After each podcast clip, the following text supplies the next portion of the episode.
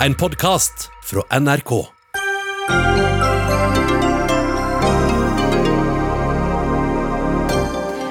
Er det miljøvennlig å kjøpe klær som markedsføres som grønne og miljøvennlige? Nei.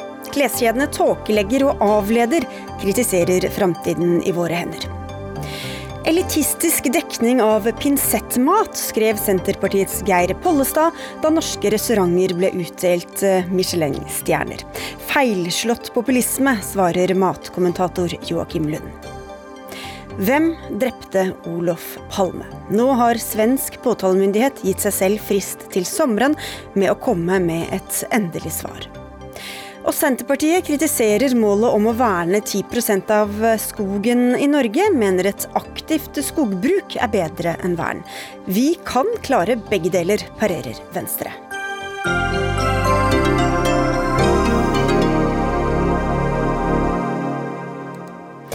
Men vi begynner med noe som sikkert er ukjent for ganske mange.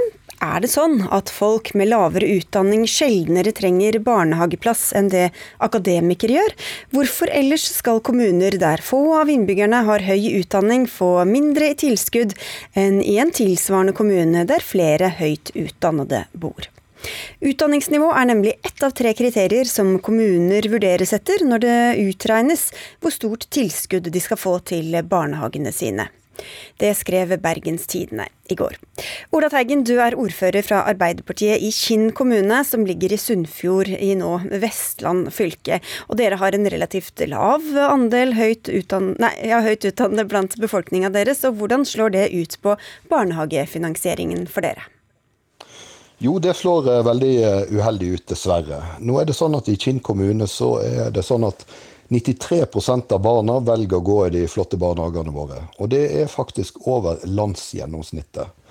Og Hvis vi eh, sammenligner oss med Oslo, hvor det er bare 89% av barna som velger å gå i barnehage, så opplever vi faktisk det paradokset at vi blir trukket. Vi blir trukket 4,5 millioner kroner mens vi kanskje skulle vært tilført midler fordi vi har så mange som går i barnehagene. Mens Oslo kommune eh, får et pluss på ca. 340 millioner. Så det oppleves veldig urimelig.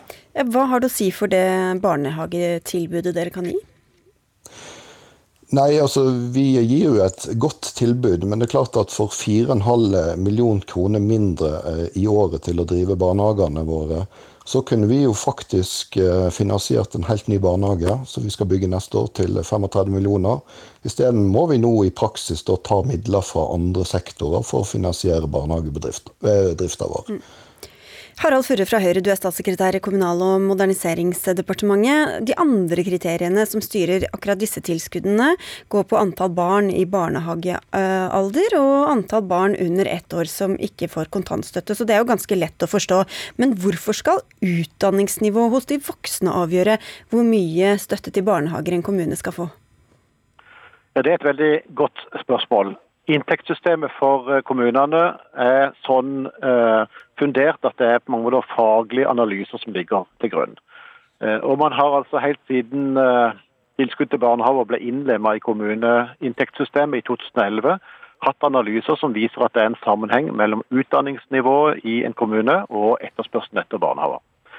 Dette er analyser som gjelder hele Norge. Og det vil helt klart være kommuner hvor dette ikke stemmer, sånn som vi nå har hørt eh, fra Kinn. Men for kongeriket som helhet så er det altså sånn at eh, etterspørselen etter barnehager det eh, varierer eh, i forhold til utdanningsnivået i befolkningen. Men hvor rettferdig er det da, når vi hører, sånn som i Kinn, at det er en høyere andel som går i barnehage enn det f.eks. er i Oslo, men at de likevel skal få færre penger? Ja, Det fremstår jo ikke som uh, rettferdig. og Det som jeg sier, det finnes enkeltkommuner hvor dette generelle systemet helt klart uh, ikke treffer i forhold til de faktiske forhold. Uh, det er naturlig at det blir en diskusjon om det, og inntektssystemet for kommunesektoren er noe som gjennomgås med jevne mellomrom. og Det skal gjøres også i årene som kommer. Men bare så sent som i 2017 så var det en ny analyse og gjennomgang av dette, og som viste at på makronivå, som det heter, eller Norge under ett, så er det altså eh, sånn at utdanningsnivået viser noe om etterspørselen etter eh, barnehager. Mona Fagerås, du er stortingsrepresentant fra Sosialistisk Venstreparti og har tatt til orde for å fjerne hele dette kriteriet. Hvorfor det, når det da stadig viser seg at det faktisk er en sammenheng? Ja, nei, Jeg mener at dette er en åpenbar distriktsfelle. Det er helt tydelig for meg at det er særlig kommuner som har en næringssammensetning i primærnæringen, sånn som fiskeri, eh, industri, eh, landbruk, at disse kommunene kommer dårlig ut. Og det henger jo ikke på greip, for det er jo ikke sånn at fiskere og bønder formerer seg mindre enn akademikere. Så det her er et system som er laga i ei tid hvor, hvor eh, mange mottok kontakt kontantstøtte, og vi ikke hadde full barnehagedekning. Men nå, når nesten alle landets kommuner er kommet så langt at vi har full barnehagedekning, så blir dette et kriterium helt meningsløst. Ja, du, ta, jeg må si takk for at du syns jeg hadde et godt spørsmål, Fure, men jeg vet ikke om svaret var like godt sånn for alle de kommunene som, eh, som syns at dette er skikkelig urettferdig? Nei, Det kan du si. Eh, det stemmer som sagt for Norge totalt sett. Så sent som i 2017 så viste det seg å være riktig. Og så er det absolutt eh, mange kommuner hvor dette ikke treffer. Men det er jo viktig å si at tilskudd tilskuddet som beregnes til barnehaver, det inngår i kommunenes frie inntekter. Denne regjeringa har økt de frie inntektene til kommunesektoren med 30 millioner kroner. Og Det er jo summen av inntekter til kommunen som skal gjøre at kommunen er i stand til å tilby gode tjenester til innbyggerne, inkludert barnehager. Så dette er ikke noe øremerka midler som gjør at uh, Kinn og Vestvågøy og andre som har tatt dette opp nå, har mindre penger nødvendigvis uh, til å levere gode tjenester. Det er andre faktorer i inntektssystemet som gjør at disse kommunene også kommer eh, styrka ut. Det er noen faktorer som det går i pluss, og noen faktorer går i minus. Og i sum så har kommunene fått stadig mer penger til å levere gode tjenester. Men ja, for Teigen, selv om dere kommer eh, litt uheldig ut av akkurat dette, så er det vel sikkert andre potter hvor dere mm, kommer godt ut da i stedet for? Ja, Det vet nok statssekretæren neppe noe om, og det vet ikke jeg heller noe om. Eh, jeg syns jo det er en avsporing. Her har vi et kriterium som skal sørge for likeverdige tjenester over hele landet. Og da har man lagt til grunn et kriterium som slår helt feil ut for vår del. Jeg hadde jo håpet at vi eh, hadde en statssekretær i andre enden her som eh, var villig til å rette opp den urettferdigheten som dette representerer. Og nå som vi stadig eh, går mot at nesten, eller kanskje ja, for større og større andel av barna faktisk går i barnehagen, så minker jo poenget med å ha den type kriterier. Så jeg foreslår at regjeringa så, så snart som mulig fjerner det kriteriet som diskriminerer særlig distriktene og de eh, kommunene som har stor grad av, eh, av eh, primærnæring og industrinæring. Mm. Er det aktuelt for å fjerne dette kriteriet? Ja, det kan godt hende. I en ny gjennomgang av inntektssystemet så vil også dette bli vurdert. Det som er en lang lang tradisjon for i Norge, er at inntektssystemet er eh, faktabasert, forskningsbasert og ikke politisk eh, styrt. Det skal være de faktiske driverne som ligger til grunn. Og så eh, har jeg stor forståelse for at eh, dette er urimelig i en god del kommuner. Jeg følger det argumentasjonen fullt og helt ut. Og det kommer en revisjon av inntektssystemet, om ikke Jeg kan ikke si akkurat når, men det er en tradisjon at det gjennomgås med jevne mellomrom. Og da vil dette bli sett på på nytt, helt åpenbart. Ja, altså Jeg vil oppfordre statssekretæren til å se på dette. For det er som jeg sa, en åpenbar distriktsfelle. Og vi har jo nå en regjering som sliter sånn med oppslutninga i distriktene at de til og med har laga seg sin egen distriktsminister. Så hvis ikke dette som slår så feilt ut for veldig mange kommunene i distriktene, er en oppgave den nye regjeringa skal se på, så skjønner ikke jeg. Men dette er jo ikke noe de tar rett ut av hatten. altså Som man sier, dette har jo vært faglig vurdert flere ganger. Hvorfor skal man se bort fra denne sammenhengen?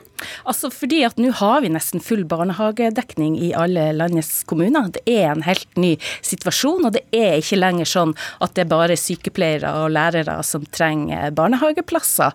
Eh, vi trenger barnehageplasser uansett hvilken næring man er ansatt i. Ja, hvorfor skal man ha dette som kriterium for, i stedet for å se på det faktiske etterspørselen og også tilbudet av, av barnehageplasser i de respektive kommunene? Ja, det der eh, Inntektssystemet er basert på objektive kriterier som sier noe om eh, det som er eh, antatt å være etterspørselen etter ulike typer tjenester. Ja, men Hvorfor kan man ikke se på den faktiske i stedet for den antatte? Ja, Det er ikke en refusjonsordning som sier noe om hva som er faktisk bruk, og refunderer kommunene deretter. Og så er det helt åpenbart plusser og minuser i, i, dette systemet. og Det er en lang faglig tradisjon som ligger til grunn, og det kommer til å bli nye utredninger for å se på det. Jeg vil bestride at dette har noen spesielle svakheter i forhold til distrikter. Her vil det være plusser og minuser.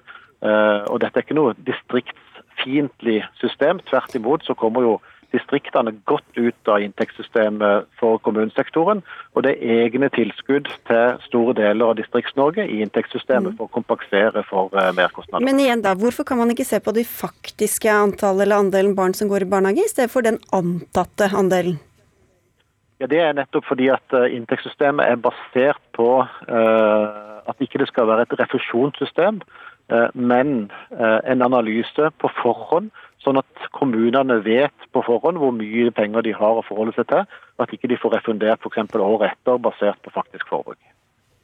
Ja, altså De aller fleste kriteriene her er logiske. Men akkurat det med utdanning, det, det henger jo bare ikke på greip. sånn at eh, Det er bare en veldig liten andel som vekter seg til utdanning, da. Eh, jo, jo, men, men altså for, for, en liten kommune så er jo tre-fire millioner ganske mye. Og du kunne fått til mye kvalitet i, i barnehagene i kommunene rundt omkring i, i Distrikts-Norge for, for tre-fire millioner kroner.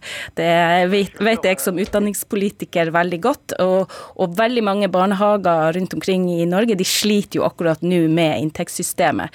Sånn at jeg vil oppfordre den nye, nye ministeren i Kommunaldepartementet og den nye distriktsministeren til å se på dette, for dette er en felle for Distrikts-Norge.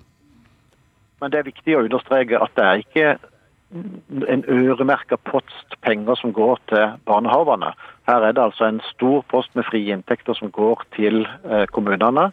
Eh, og Det er mangfoldige kriterier som ligger til grunn, inkludert de vi diskuterer nå. Og Så er det opp til kommunen å prioritere mellom ulike sektorer for å levere gode Men jeg tror jo som mangeårig kommunepolitikere at når du skal se hvor mye penger du skal gi til dine barnehager, så ser du jo også på de overføringene som du får fra staten. Sånn at det, ting skal liksom henge på greip i forhold til hvor mye penger du får fra staten og hvor mye du skal bruke rundt omkring. Ok, Vi skal avslutte, med Harald Føre, du sa det ikke var noe distriktsfelle, men vet dere hvordan Eh, de ulike kommunene eh, kommer ut av dette, om, om det da er uh, kommuner som ligger i distriktene eller uh, i mer sentrale strøk? Så vidt jeg kjenner til, så er det ikke noe systematisk mønster i dette. Og jeg har lyst til å si at jeg har vært ordfører i Kristiansand i fire år, og iallfall i min kommune så var det ikke sånn at vi satt og så på inntektssystemet og hva vi fikk fra staten på ulike faktorer når vi prioriterte penger mellom ulike sektorer. Vi så på hva som var behovet i kommunen for å levere gode tjenester, og brukte den store ramma vi fikk fra staten på en god måte. Og Staten okay. har altså økt ramma til kommunen med 30 millioner kroner i løpet av denne regjeringas uh, virke. Men nå ser det altså ut til at dere skal se på dette kriteriene på nytt, så får vi se hvor dere lander. Takk skal dere ha alle tre. Mona Fagerås fra SV, Harald Fure, statssekretær i Kommunal- og moderniseringsdepartementet, og Ola Teigen, ordfører i Kinn kommune. Dagsnytt 18 alle hverdager kl 18.00 på NRK P2 og NRK2.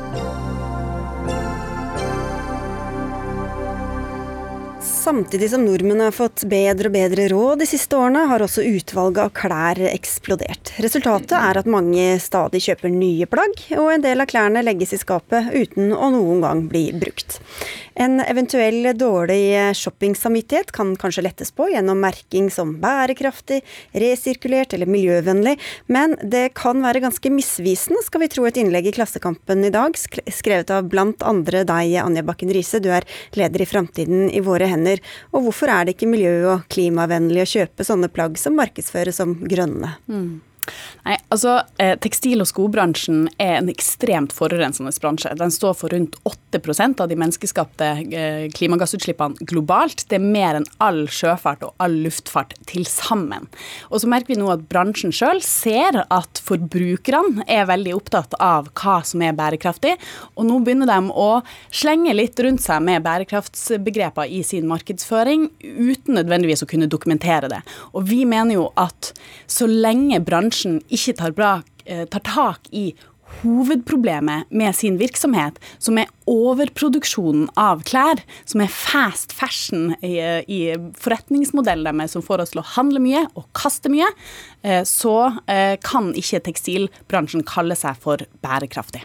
Ja, for det er ganske harde ord dere bruker. Villedning, falsk, avledende, tåkeleggende markedsføring. Mm. Det er noen av beskyldningene deres. Men hvordan mener du da at forbrukerne blir lurt? Nei, vi, i, i, den kronikken som vi har i Klassekampen i dag, så snakker vi om, om denne eh, grønnvaskinga innenfor flere kategorier. Og en av de kategoriene er eh, det vi kaller falsk markedsføring. Og det har Forbrukertilsynet bl.a. gått ut mot i fjor, eh, bl.a. mot Hense Maurits, som, som, de mente villeda forbrukeren ved å kalle deler av kolleksjonen sin for bærekraftig.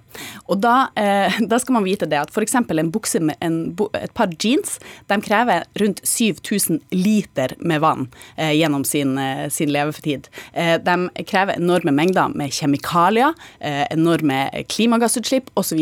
Så, du kan si at en, en f.eks. en økologisk eh, eller en, en jean som er produsert med økologisk bomull, den er litt mindre miljøbelastende enn en konvensjonell eh, dongeribukse, men den er ikke bærekraftig.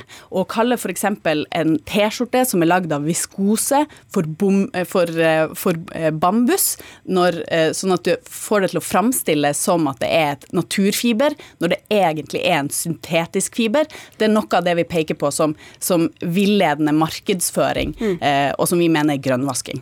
Dagsnytt 18 har selvfølgelig invitert Hennes og Maurits, Kapal, Lindex. Ingen av dem takket ja til å komme og diskutere dette. Eh, bror eh, William Stende, du er bransjedirektør i Virke faghandel, og representerer jo da klesbransjen, men hvor bærekraftig er den, mener du? Er på god vei. Eh, for det første så vil jeg si det at det aldri vært større engasjement rundt eh, bærekraft og sirkulær økonomi i norsk varehandel noen gang.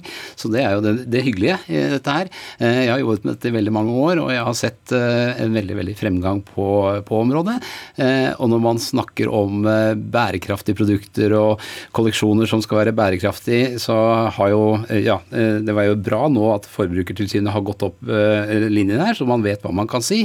Men så mener jeg det at det er god forbruk forbrukeropplysning og si at her har vi gjort noe for å få dette produktet litt bedre. Og som, eh, som Anja sier, så har man da puttet inn økologisk bomull, og da har man gjort litt. Og alle må gjøre litt. Men hvor sannferdig er det å markedsføre plagg som grønne, eller i hvert fall gi inntrykk av de er det, hvis det bare er marginalt bedre enn det plagget som ligger i hylla ved siden av? Ja, da vet i hvert fall forbrukeren at de marginalt kjøper et bedre plagg enn det de gjør hvis de ikke velger det.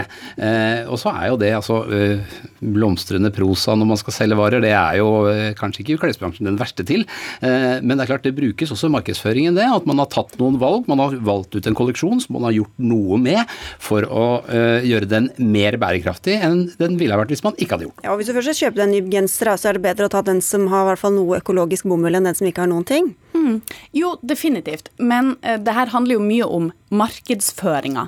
Og det der er Ja, hvis HM eller andre hadde gått ut og sagt at det her er marginalt bedre enn det andre, så er det helt greit. Men det vi reagerer på her, er jo hvordan, uh, hvordan man ordlegger seg. Og det vi tok opp i kronikken også, er jo f.eks.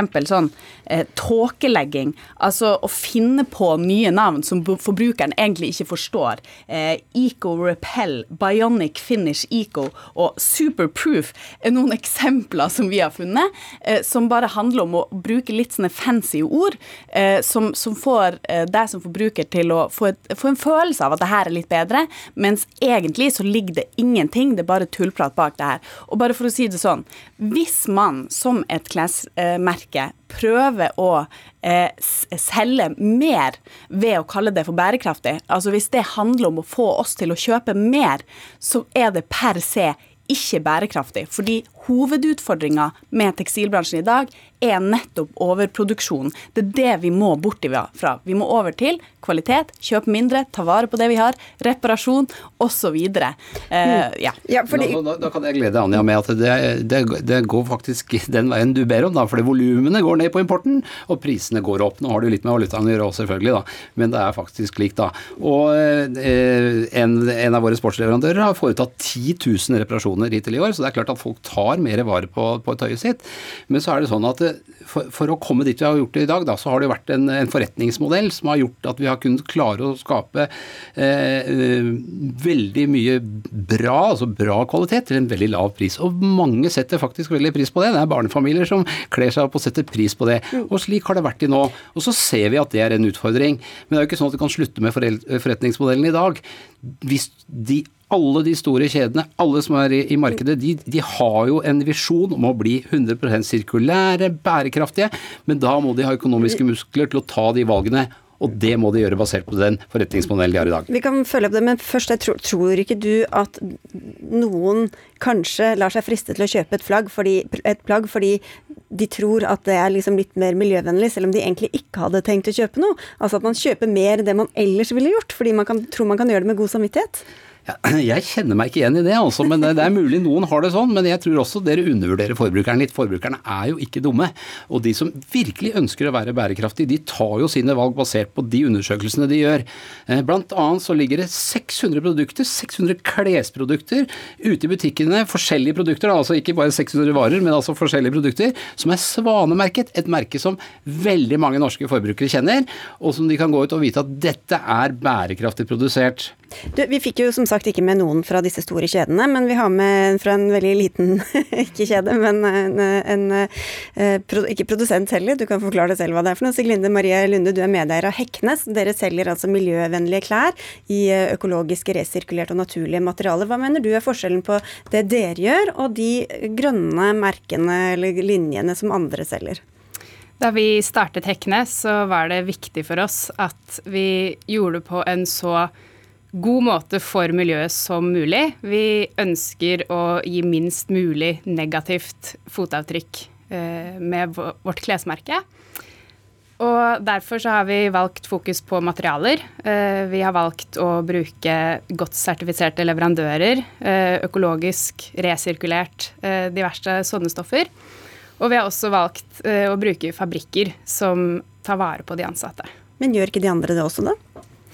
Jeg har ikke noen forutsetninger for å kunne si hva de andre gjør. Jeg jeg det har jeg forutsetninger for å si noe om. Det har jeg òg. Jeg syns det er viktig at eh, folk gjør sitt beste, og jeg syns det er veldig positivt at vi har fått denne debatten. Jeg syns det er flott at de store aktørene viser vilje til endring og vilje til å bidra til en løsning. Eh, og selvfølgelig hvis det er slik at de bruker det positive de gjør til å, som du nevner, da, tåkelegge eller unndra seg de dårlige tingene de gjør, eller ikke ta tak i det, så er jo det selvfølgelig bekymringsverdig. Men i utgangspunktet veldig glad for at den, det er på dagsorden. Ok, begge, ja, Du skal få svare først, du skal ja, ta en bakken og, og, Da har jeg lyst til å gripe tak i én ting som da ble, ble, tatt opp i den artikkelen, og det er at man angriper BCI Better Cotton Initiative. Jeg har selv møtt stolte indiske bønder som har deltatt i dette prosjektet, hvor de da eh, ikke bruker plantevernmidler.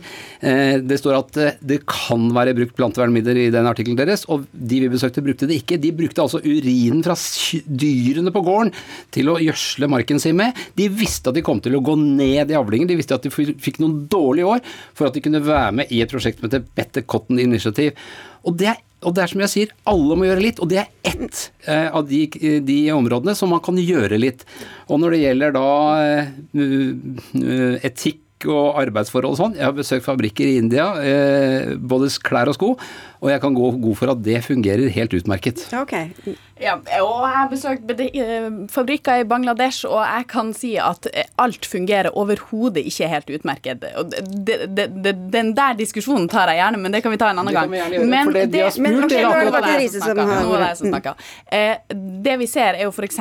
i fjor sommer så var det flere, eh, flere merker, eh, klesmerker som gikk ut og reklamerte med at deres badetøy var med på å ta vare på havet. Fordi veldig mange forbrukere er opptatt av at eh, vi ikke skal slippe ut mikroplast i havet. Vi er, vi bekymra for plastproblematikken i havet. Og så sa disse merkene at her, eh, her tar vi vare på havet fordi vi bruker resirkulert polyester. Resirkulert polyester slipper ut minst like mye mikroplast i havet som eh, originalpolyester. Sånn at eh, det er det jeg mener, at mange merkevarer går langt i å tåkelegge og forlede oss for, til, uh, som forbrukere. Uh, jeg tror forbrukere kommer til å gjennomskue det. Jeg tror det kommer til å straffe seg uh, økonomisk også for disse merkene. Men så er jeg enig i at det er positivt med de tingene som går fremover. Men vi mener som sagt at det går for sakte, og at man skal markedsføre seg på en helt annen måte. Ok, men Lunde, vi hørte du ville, dere ville gjøre det liksom ordentlig fra begynnelsen av. og Selv om man går med på da, at dere gjør det bedre enn mange andre, så selger dere jo fortsatt nye klær og ting som har resirkulert. Så må det fortsatt kreve energi å, å, lage det. Hvorfor skal man i det hele tatt gjøre det når det finnes så ekstremt mange plagg der ute som man allerede kan bruke? Det er et paradoks. og vi er jo veldig for at man skal sakke ned forbruket. Vi ønsker å være et alternativ dersom man må kjøpe nytt. Eh, men da at man kan ta et bedre valg. At forbrukerne, som du sier, er smarte. Eh, vi skal gi dem informasjon. Vi har åpne fabrikklister, vi har åpne leverandørlister. Vi gir informasjon om hvordan plagene er produsert. Og hvis forbrukerne tenker at ja, dette var fint, så kan de få kjøpe det. I utgangspunktet ønsker vi at folk skal kjøpe færre klær med bedre kvalitet, som varer lenger, som kanskje ikke er det som er akkurat trendy disse tre neste månedene, og så blir det kastet, men noe du kan ha i flere år. Og selvfølgelig, det med å kjøpe brukt, det med å ha byttekveld med venninner, gi bort, kjempefint. Det er ting vi absolutt syns at man burde ha mer av, og at man skal sakke ned hele den bruk og kast-kulturen som man ser i samfunnet i dag.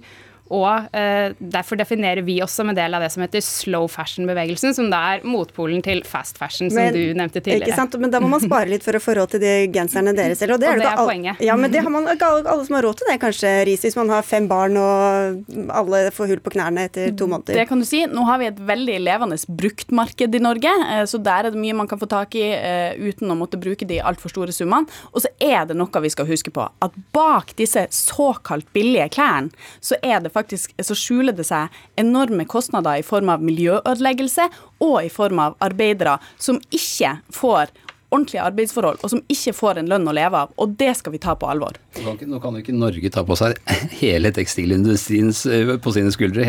All belastningen er 8% av verdens utslipp og, og, alle som får dårlig lønn. Men det jeg har sett på våre medlemmer, og det er de store, kjente kjedene vi ser her i Norge, så har jeg besøkt fabrikker med okay, ordnede forhold. Og skulle ønske de var her i studio, så kunne de si det selv. Det ville du jo ikke gjøre. Men takk skal du ha i hvert fall for at du kom, bror William Stende fra eh, Virke, og til deg, Anja Bakken Riise fra Framtiden i våre hender, og Siglinde Marie Lunde, som er medeier av Hekne, altså.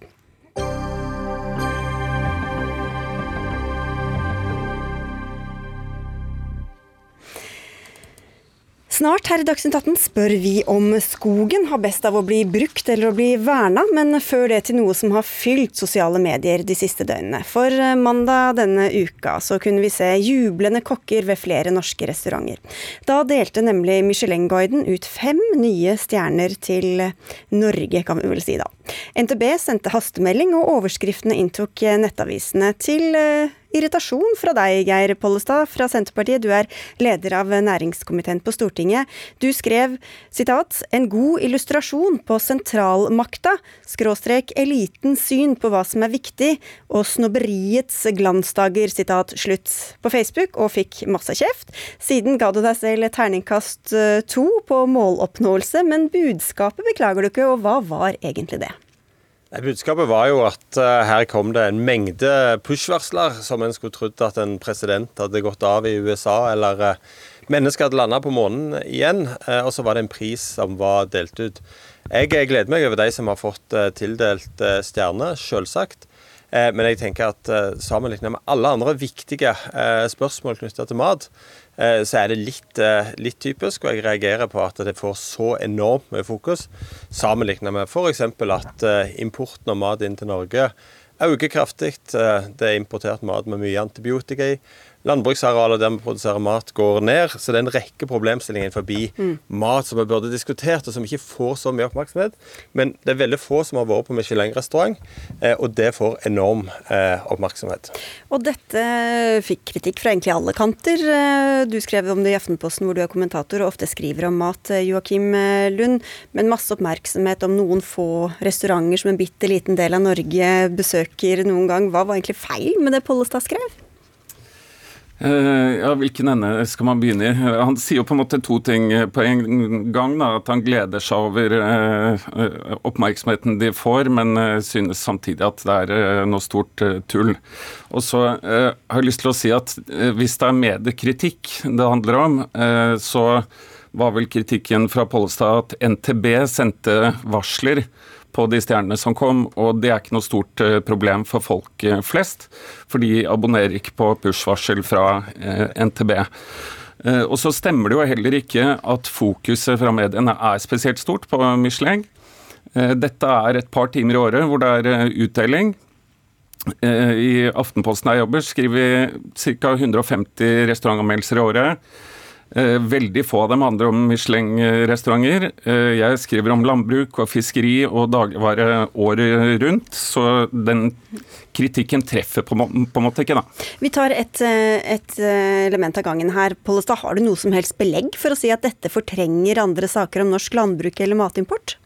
Nei, det har jeg ikke, men uh, jeg mener at uh, Hva er det du oftest er her for å snakke om, for å si det sånn? Oppmerksomheten som du får, uh, skulle jeg ønsket altså, at andre saker òg fikk. og dette blir en veldig, veldig hype. Og jeg ser jo at mange av de som har kritisert meg hardest på dette, Eh, det er jo folk som 364 dager i året ellers eh, prøver å undergrave den norske landbruksmodellen og de tingene som ligger til grunn for at vi kan ha eh, en landbrukspolitikk som gir verdens beste råvarer, og som gir grunnlag for å ha gode kokker. Så Det er noe med det urimelige oppi dette. og så hvis det bare var sånn at en frykta et par timers debatt, så har iallfall denne Facebook-posten bidratt til at debatten har blitt både større og mer omfangsrik. Det som jeg er litt lei meg for, det er hvis Eh, de som eier restaurantene og de som leverer matvarene, føler at jeg har tatt dem. Det har jeg åpenbart Det har aldri vært min, eh, min hensikt, eh, og det, det syns jeg er litt, litt trist oppi det hele. Ja, fordi det er jo et annet element her, Lund. Hvorfor er disse restaurantene egentlig viktige for andre enn bare dem som går og spiser der? Det er mange grunner til det. De er jo på en måte bare øverst i en stor uh, næringskjede. Uh, sånn at de kokkene som uh, driver de restaurantene, de er utrolig flinke til å løfte frem leverandørene sine, som er bønder og fiskere og jegere og hva det måtte være, fra deres eget distrikt. Men så er det også det at de restaurantene som virkelig får det til, og som er veldig seriøse, de har jo masse kokker som jobber der, og som Eh, gjerne bryter ut og starter nye steder, som kanskje ikke er eh, Michelin-stjernerestauranter. Sånn at det hever jo hele restaurantnæringen da, i et uh, område, og ikke bare den restauranten som får akkurat de stjernene. Så det er til glede for veldig mange andre enn akkurat de som spiser der. Mm, Pollestad? Ja, jeg, jeg, er litt, jeg har sett mange har tatt fram dette med denne elitetenkningen. At det å referere til f.eks. sport, der det er viktig å ha en elite for å få eh, bredden. Jeg mener nok at den sammenligningen er litt dårlig, i og med at mat er langt mer grunnleggende enn eh, f.eks. det fotball eller Formel 1 eh, måtte være, eller andre eh, idretter. Sånn at det er jo det er jo viktig jobb de gjør, de som er kokker på disse restaurantene. Men det er jo like viktig den jobben de som er kokker på sykehjem, sykehus, eh, institusjoner som lager mat til folk i Norge. Det, Men hvor, hvorfor, tror, hvorfor, mener du det er en motsetning der, og ikke tvert imot en sammenheng, sånn som Joakim Lund peker på? Jo, fordi at det blir veldig mye oppmerksomhet på en veldig veldig liten del av den maten som eh, eh altså disse luksusrestaurantene som det her er snakk om, eh, tar for seg en veldig liten del av eh, maten som eh, blir produsert i Norge. jeg ønsker et større fokus på liksom helheten i den norske tenkningen, men der er òg disse Eh, stjernerestaurantene eh, en viktig del å ha med seg. Min kritikk har gått på at det har blitt en sånn massiv eh, oppmerksomhet. Og så har jeg også gitt noen personlige spark mm. til det jeg opplever som noe jåleri, og der har denne pinsettdebatten kommet inn. Ja, det var pinsettmat, kalte du det. Altså sånne små porsjoner, kan vi vel lese ut av det? Ja, og det er jo selvfølgelig Hvis du er hvis du er lei deg Pollestad, for at eh, noen føler at de blir tråkka på, så bør du jo la være å kalle det pinsettmat og si at det er snobberiet uh, glansdager. For det, da vil du jo åpenbart provosere, ikke sant. Men det er vel en del av den maten som er for skal vi si, litt viderekomne matspisere? Ja, helt klart. Og alle spiser ikke på Michelin-restaurant, og mange kommer helt sikkert eh, aldri til eh, å gjøre det. Og sånn trenger det heller ikke å, å være. Og det er altså mange som får glede av Michelin-restaurantene, som aldri spiser på en Michelin-restaurant. Men tilbake til denne idrettssammenligninga, Pollestad. I dag kom jo nyheten om at det norske kokkelandslaget tok gull under det olympiske mesterskapet i Tyskland. Bør det også forbigås i stillhet? Du, Jeg syns det er helt fantastisk, og jeg skal sende deg mine hjerteligste gratulasjoner. Og jeg mener det er en ganske stor forskjell, fordi at eh, det er noe veldig eksklusivt eh, de har eh, gjort. Det å få ei stjerne Michelin Det fins et par-tre tusen Michelin-restauranter i eh, verden. Så jeg tror det blir litt feil og litt for enkelt å sammenligne Så det er for folkelig med disse Michelin-stjernene? Det er for mange som har dem? Det er ikke elitistisk nok? Nei, det er absolutt ikke det jeg mener. Men jeg mener at det å delta i en konkurranse eh, som, er, eh, som, Norge har gjort lenge Og det er viktig at vi har gode kokker i Norge. Det har jeg aldri prøvd å så tvil om. Jeg har opplevd i denne prosessen at veldig mange har ment at jeg både har vært imot fiskeri og landbruk og restaurantnæring og reiselivsnæring og alle andre hensikter som en ikke har hatt. Eh, mitt fokus har vært Dette syns jeg har fått veldig, veldig mye eh, oppmerksomhet. Eh, og så fyrte jeg eh, av et eh, spark på Facebook. Det har spart, uh, skapt mye debatt. Og den debatten om, om pinsett og jåleri og sånt, det er mye jåleri i matveien. Men den debatten tror jeg vi tåler veldig godt, uten at noen trenger å bli krenka av den grunn. For du sier at Senterpartiet forsøker å knekke Frp-koden og anklager Pollestad indirekte for å være populist, Joakim Lund. Ja, eller direkte, egentlig. Direkte. Prøvde å være grei, jeg, men ja. Nei, eh, for meg så ser det jo veldig sånn ut eh, at Pollestad prøver seg på eh, to populistøvelser på en gang, og angriper eliten. Og angriper mediene. Og jeg syns at han går ganske spektakulært på trynet på begge deler, egentlig. For det er feil at Michelin-stjerneutdelingene får veldig mye oppmerksomhet. Og det er også feil at Michelin-restaurantene er for noen få utvalgte. Ok, Pollestad, det er et år til neste gang du trenger å høre om Michelin-stjernene, så det, det ja, jeg, håper det masse, jeg håper det blir masse matdiskusjon eh, i mellomtida mellom det òg, og, og dette at dette skal være et populistisk utspill. da jeg føler jo jeg har fått en eh, relativt eh, god dose kjeft fra veldig mange. Jeg har krenka mange. og det av politiske motstandere. Det lever jeg eh, veldig godt eh, med. Men jeg tror at er det én ting vi tåler i dette landet, så er det å diskutere mat og matpolitikk og matjåleri og alt som er knytta til det. Og så skal vi ha gode restauranter, så skal vi ha gode eh, leverandører. Men da må vi ikke bare snakke om Michelin-stjerner, da må vi også snakke om de grunnleggende tingene, som jordbrukspolitikken ja, Da må du skrive på Dagsnytt 18 de 364 andre dagene i året. Stiller gjerne 364 dager i året og diskuterer landbrukspolitikk. Ikke julaften, da har vi ikke sending. Takk skal dere ha begge to for at dere var med med Geir Pollestad og Joakim Lund.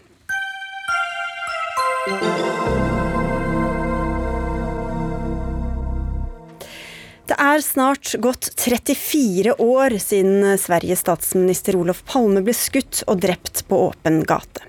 I går varslet påtalemyndigheten i Sverige at de innen sommeren i år enten tiltaler noen eller henlegger hele saken, og nå mener de altså at de er nærmere et svar på denne gåten som Sverige har måttet leve med i alle disse årene.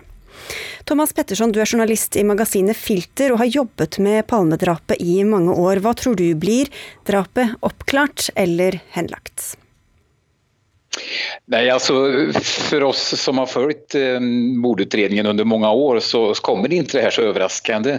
Eh, han har lovat eh, åklager Christer Petersson at eh, det her skal klares opp. Eh, det kommer ett resultat av förundersökningen så småningom. Så att, eh, det är inte så överraskande. Eh, däremot så lät det ju väldigt lovande att han återigen upprepar det här att det, mm. han ser framför sig att det finns en gärningsman och det kommer att klaras upp. Och det kan också då innebära att eh, åtalet antingen fullföljs med en levande gärningsman eller att det, förundersökningen läggs ner och då med en eh, gärningsman som inte är i livet men med en övertygande bevisning. Det behöver man ha i så fall.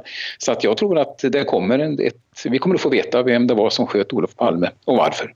Jeg skal høre med deg om det, men først må bare, til de som blir litt forvirret over dette Christer Petterson-navnet, så er jo det navnet både på han som da er ansvarlig for, eh, for saken fra påtalemyndigheten, og på han som ble faktisk tiltalt og dømt i sin tid, som er to altså helt forskjellige personer. Men til denne som kan bli stående igjen som den skyldige, Thomas Petterson.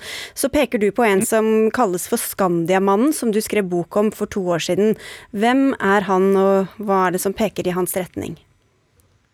Ja, precis. Eh, Skandiamannen är en eh, man i 50-årsåldern eh, med klara högersympatier, borgerlig Palmehatare kan man säga. En person som det inte har gått så bra för i livet, som har ett stort revanschbegär.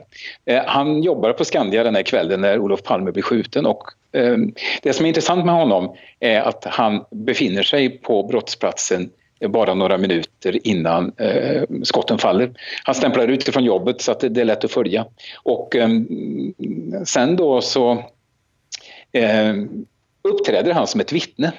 Han ringer in dagen efter till eh, Palmeutredarna. Det ju, ni märkte det ju i Norge också, det var ju stor uppståndelse givetvis, det var ett kaos. Eh, i ledningen, i polisledningen får man säga, så att det var mycket som gick snett första, första dygnet. Men han ringer in, talar om att han är vittne och lämnar en väldigt konstig uppgift. Han berättar nämligen att han måste ha blivit förväxlad med gärningsmannen eh, eftersom han var klädd på samma sätt som gärningsmannen. Mm.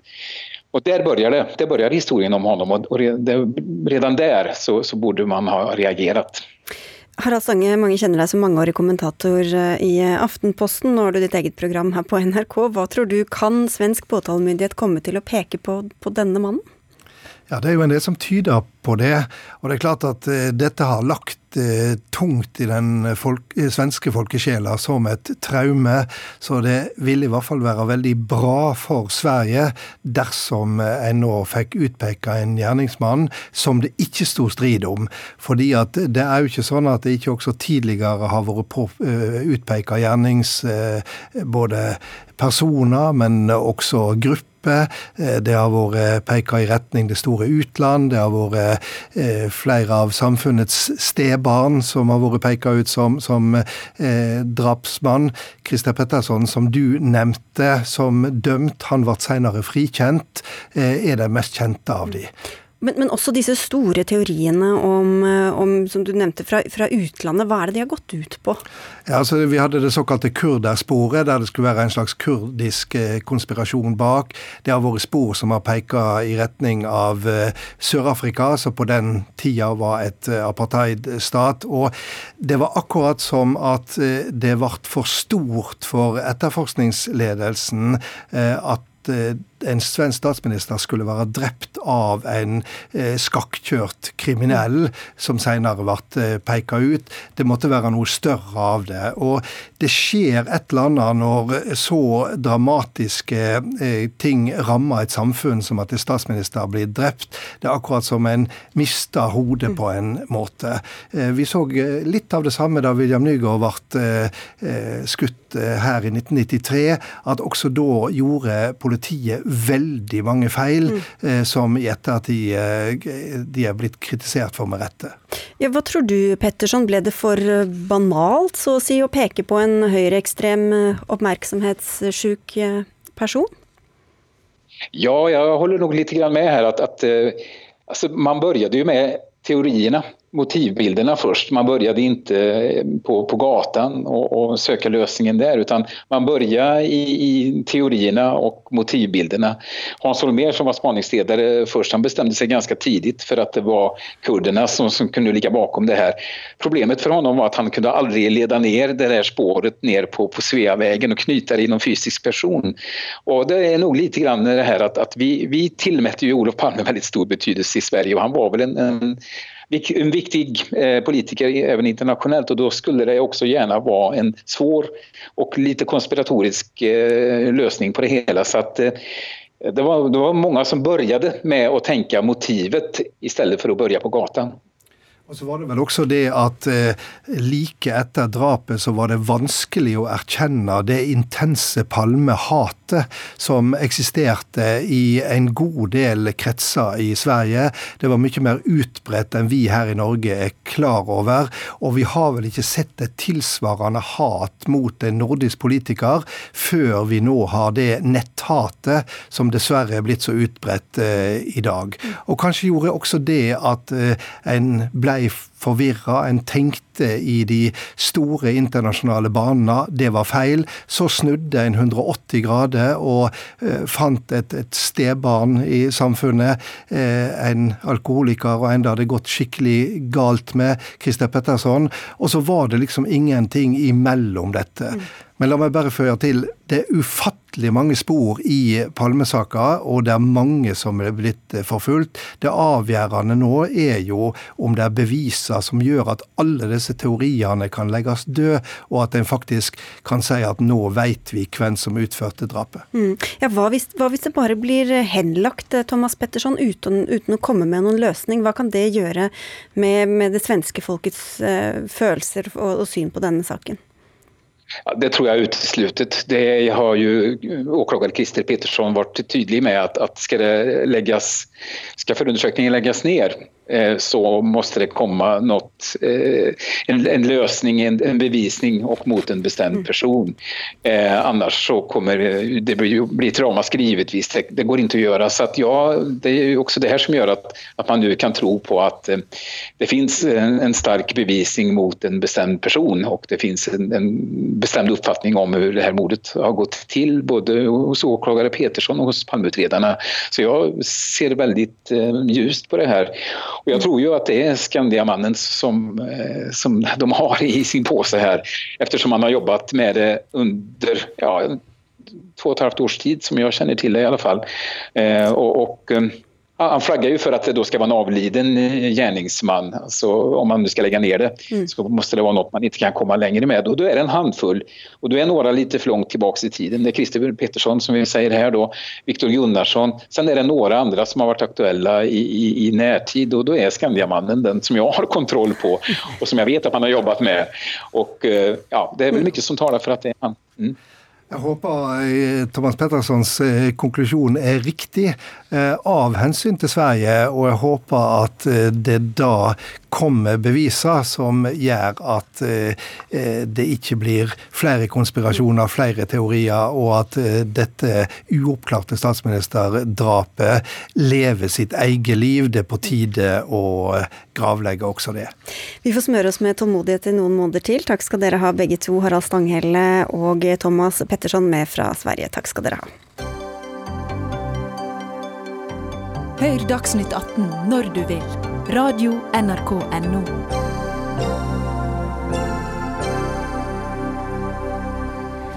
Alle er enige om at skogen spiller en viktig rolle i kampen mot klimaendringene. Men hva er den beste måten å bruke skogen på? Å verne den, eller å hugge og plante ny? I 2015 vedtok Stortinget å ha som mål å verne 10% av skogen i Norge. Men i en tale som Senterpartileder Trygve Slagsvold Vedum nylig holdt, gikk han til angrep på hele denne vernetanken. Og Sandra Borch, stortingsrepresentant fra Senterpartiet. Hvorfor er det noen motsetning mellom å verne 10% av skogen og så bruke resten aktivt? Det som vi reagerer på, er jo at man liksom har sett 10% som tenk på et tall. For det er jo ikke gjort noen vurderinger på hvor de 10% kommer ifra. Eh, og vi i Senterpartiet ønsker jo å bruke skogen som et viktig klimatiltak. Det er det mest effektive og billigste vi kan gjøre nå for å redusere våre klimagassutslipp. Og da mener jeg det blir litt feil å sende signaler om sånne her type verneforslag. Men så er det jo ikke noe overraskende for meg at, eh, at Venstre sikkert gjerne skulle ha verna enda mer, når man ser på den politikken de fører i dag. Både på skog, men også ikke minst på annen type syn på jordbruk og, og rovdyr. At man på en måte skal verne alt omkring rundt i skog. Hvis vi ser på politikken som føres i dag, så er jo det langt unna 10 vern. Så da skulle man jo tro at det kanskje var en helt annen politikk. Men eh, Ola Elvestuen, du sitter også på Stortinget fra Venstre. Du var jo inntil nylig klima- og miljøminister. Dette kom bare helt ut av det blå uten Nei, noen faglig forankring, Nei, hører vi her. Hva slags grunnlag hadde dere da? Ja, Det var mitt eget forslag eh, som leder av energi- og miljøkomiteen den gangen. Og dette var basert på da forskere og det de anså var nødvendig av, av verneområder for å ivareta det biologiske mangfoldet i norsk norsk skog. Så det var bakgrunnen for dette. Det er også i norsk skog at omtrent halvparten av de trua artene vi har, er. Derfor trenger vi å ta vare på, på, skogen. Og det er virkelig ikke noen motsetning å ta vare på det som er en nødvendig andel av skogen, og samtidig bruke eh, da trevirke og skogen for å få ned klimagassutslipp. Dette klarer vi fint å gjøre begge deler, og det er det vi skal gjøre. Og da tilbake til mitt opprinnelige spørsmål, Borch. Hvorfor må man velge? Eh, jeg er jo heller ikke mot, uh, mot, vern, men jeg er mot at man på en måte bare skal sette et tall. Hva slags tall vil dere sette, da? Nei, Vi må jo se på hva slags effekt det har. Det er jo det jeg mener at dette 10 %-tallet som uh, Venstre og også Stortinget har vedtatt, er på en måte bare tatt fra løse lufta. Det er ikke noe faglig grunnlag på hvorfor. Og når man ser at... Men Vi hørte jo akkurat at ja, det var et faglig men, grunnlag. Ja, men når man da ser at over 500 av artene i dag artene i Norge i dag er trua av gjengroing, da henger jo ikke dette på greip når man ser, at, eh, når man ser eh, tiltakene fra Venstre om at man på en måte bare skal verne seg bort fra alt. Du, Vi har en biolog i studio her, Kristian Steele. Du er også generalsekretær i eh, Sabima. Hva er det beste, mener du, å verne eller å bruke aktivt? Vi mener at det er rom for begge deler. Jeg var og hørte talen til Slagsvold Vedum. Han er en fenomenal entertainer. Han holdt jo salen som besto av skogbrukere og skognæring i sin hule hånd. Men det var mest underholdning og ellers mye veldig omtrentligheter og stråmannsargumentasjon. Blant annet så sier han jo dette at vi andre vil bare verne skogen, mens Senterpartiet vil bruke skogen. Og det er jo feil, for altså vi er enige om alle sammen at vi skal bruke skogen. Fordi skogen gir oss et fantastisk råstoff. Men så gir også skogen oss mange andre viktige tjenester. For det første dette at vi skal ta vare på det biologiske mangfoldet. Men vi ser også at folk er veldig opptatt av skog. Altså skog har en fantastisk verdi som opplevelse for folk. Eh, store beløp. Det har vært beregna at norsk natur er verd 400-500 eh, milliarder kroner som rekreasjon osv. Det eh, innbefatter også at vi må ha en mangfoldig skog, inkludert noe skog som får stå helt i fred. Så her er Senterpartiet egentlig helt i utakt med, med folket. fordi også skognæringa vil jo faktisk ha skogvern. Fordi det er vel også sånn at er, Skog er ikke bare skog, det er veldig stor forskjell på skog. Noen er veldig ensarta skog, og andre er gammel skog som har mye større biologisk mangfold. Hva tror du skjer med den, da, hvis man skroter hele dette vernemålet, Sandra Borch, med den skogen som virkelig trengs å vernes? La meg bare få sagt at Senterpartiet er òg for frivillig, den frivillige verna vi har av, av, skog i dag. Men å sette et sånn type mål når man ser at Norge er i ferd med å gro igjen Jeg hører veldig mange folk snakke om at eh, si bygd gror igjen. Da trenger man å hogge og skjøte og plante mer skog. Også i et klimabilde.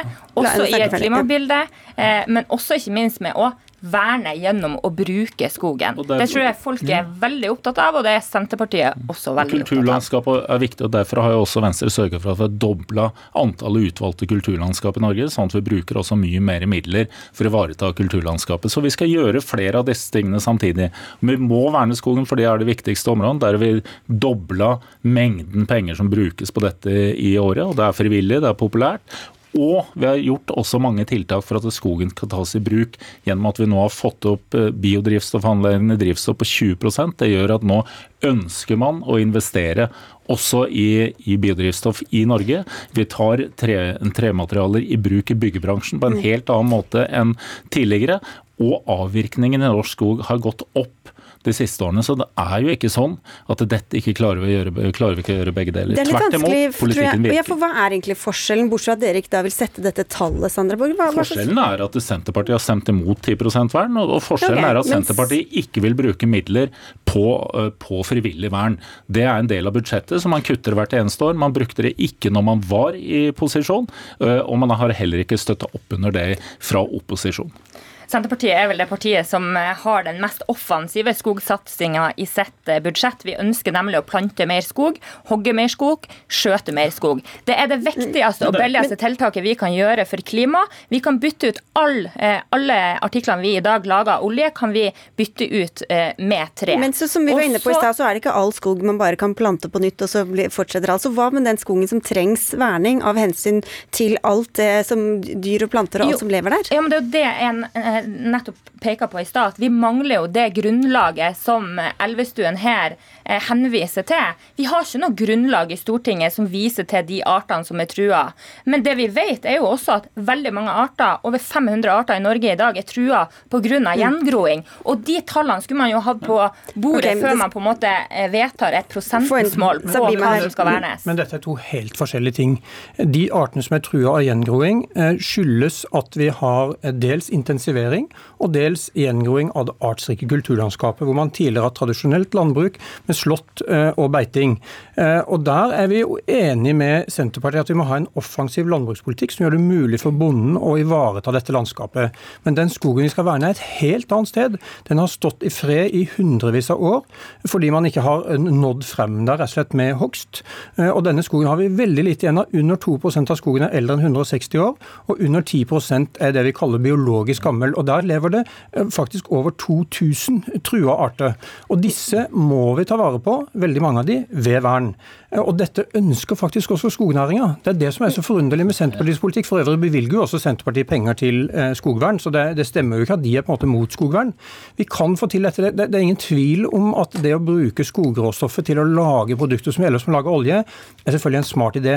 Men det er ikke mangel på tømmerstokker inn i den industrien som gjør at ikke vi gjør nok av det. Det er på en måte manglende industrisatsing osv. som regjeringa må skjerpe seg på. Og så må vi altså verne 10% av skogen. og Bare få avlive det med en gang. Dette er solid faglig fundert i en utredning fra NIBIO, som er Landbrukets forskningsinstitutt, og NINA, som lagde dette som en rapport allerede i 2002. Og så har dette vært jobba med frem til da dette forslaget ble lagt frem fra miljøorganisasjonen i 2012. Men hvorfor er det ikke da differensiert og allerede satt noen kriterier for her skal vi verne, her skal vi ikke verne, her skal vi bruke, dette skal få stå, Elvestuen? Dette er jo nettopp fordi du skal ha, det er et frivillig vern. Det er, det er populært hos skogeierne, det er godt betalt. Eh, og Miljødirektoratet jobber også mye mer direkte nå for å sørge for at det er de viktigere skogområdene som vernes, sånn at det blir mer presis, og at det ikke blir skogstyper som ikke blir eh, verna. Og så er det jo Samtidig med det så skal det også innenfor de områdene som, hvor du skal ha produksjon, skal det også være eh, miljøtiltak. Det er jo ikke sånn at det er, det er bare naturreservat, og så er det på en måte flathogst uh, resten. Så det skal også ivaretas. Akkurat som innenfor landbruket, så er det de siste landbruksoppgjørene, så har nettopp miljøtiltakene, og kulturlandskapene, også i landbruket blitt prioritert. Så vi gjør alle disse tingene. Det Senterpartiet burde fokusere på, enn bare å være mot vern, er hvordan får vi opp mer et marked for uh, treprodukter okay, du, du i Norge. Du kom den en hånd raskt i været, men vi skal først til deg, Kristian Silfer. Hvordan syns du at Elvestuen og Venstre og regjeringa har fulgt opp sine egne ambisjoner på vernets side? Regjeringa har økt bevilgningen til skogvern, og det syns jeg er veldig bra. Men bevilgningen har ikke økt nok. Eh, altså Vi har dette målet om 10% og det er jo så vidt vi klarer å nå det i vår levetid med tempo, det tempoet vi har nå. Og vi altså det er mange tiår fram i tid. Ja, og vi risikerer jo at noe av den mest verdifulle skogen vi har, blir hogd fordi vi ikke rekker å verne det, fordi vi ikke rekker å kartlegge det, og fordi vi, som du for så vidt var inne på, ikke vet eh, på en måte hvor all den mest verdifulle skogen er. Vi har statistikk og vi har en del kunnskap. Og vi vet også mange veldig verdifulle skogområder som burde ha vært verna, men som har sluppet gjennom dette nettet fordi vi er glad for frivilligheten, for det har skapt en veldig positivt omdømme rundt vernet. Eh, men vi trenger nok også noe mer myndighetsstyring, så at vi får verna det, mest verdifulle. Men det, men det er ganske pussig at Senterpartiet er mot dette. for her er som jeg sier, Senterpartiet i utakt også med næringa. Skognæringa ønsker skogvern. Eh, Skogeierforbundet, Norges Skogeierforbund er fornøyd med det bevilgningsnivået vi har nå, fordi det skaper forutsigbarhet for skogeierne, som er nødt til å ta vare på denne skogen uansett. De er miljøsertifisert og kan ikke hogge den mest verdifulle skogen. Så de pengene som Senterpartiet vil kutte, det er egentlig penger fra skogeiernes eh, lommer, faktisk. Fordi de er avhengig av det for å kunne reinvestere i annen skog enn den som de må verne. Og det er jeg helt uenig i. fordi at frivillig skogvern er Senterpartiet veldig for. Eh, det har vi vært for hele tida. Det vi ser i dag, er jo at eh, dagens regjering åpner for såkalt supplerende vern, hvor man ikke har satt av penger til, til, til frivillig skogvern, sånn at grunneierne ikke får betalt. Og det er jo, en, det er jo kanskje en litt annen debatt, mm. men når man først var inne på det her Og så må jeg bare få sagt eh, for Elvestuen ja, Elvestuen sa til meg i stad at vi måtte komme med tiltak sånn at folk valgte skog. Skog. Eh, det, noe av det første regjeringa gjorde, var jo å innføre avgift på biodiesel. Så man kan jo spørre hvem det er som legger til rette for tiltak for biodiesel, å bruke skogen. Biodiesel har vi nå kommet opp i 20 Det har aldri vært brukt mer biodiesel i Norge. Og det er en forutsigbar politikk som gjør at det er vilje til investeringer. Det kommer store investeringer også i Norge i løpet av de nærmeste årene. Samme er det innafor å ta i bruk tre i, i byggebransjen. Der sånn skjer det, skjer det mye. Så Det er ikke mangel på tømmerstokker som gjør at måtte, det kunne ha skjedd enda raskere. Problemet i dag er jo at for mye av den avvirkningen vi har, den eksporteres, og det er for lite som foredles i Norge. og Det er der vi trenger nå å konsentrere oss for å få opp den næringa i Norge. eller hva, Elvestuen? Ja, dette gjør vi. Dette la regjeringa fram en strategi for så sent som nå i høsten 2019. Det er også på en, en strategi for skog- og trenæringa, hvordan det skal være en driver for grønn utvikling. Her ble det alle mot alle. Det er vel sånn det skal være i Dagsnytt 18? Nei, nei da. Takk skal dere ha, i hvert fall alle tre for at dere kom. Sandra Borch fra Senterpartiet, Ola Elvestuen fra Venstre og til Christian Stil fra Sabima. Dagsnytt 18 er over for eh, denne gang, men vi er tilbake i morgen eh, som vanlig klokka 18 på NRK P2 og NRK2. I dag var det Anne Katrine Førli som hadde ansvaret for innholdet i eh, sendinga.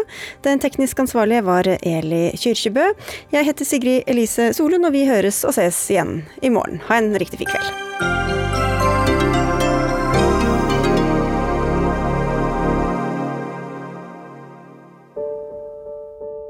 Hei, jeg heter Line Alsaker og har laget en podkastserie om Norges største spionsak, om Arne Treholt.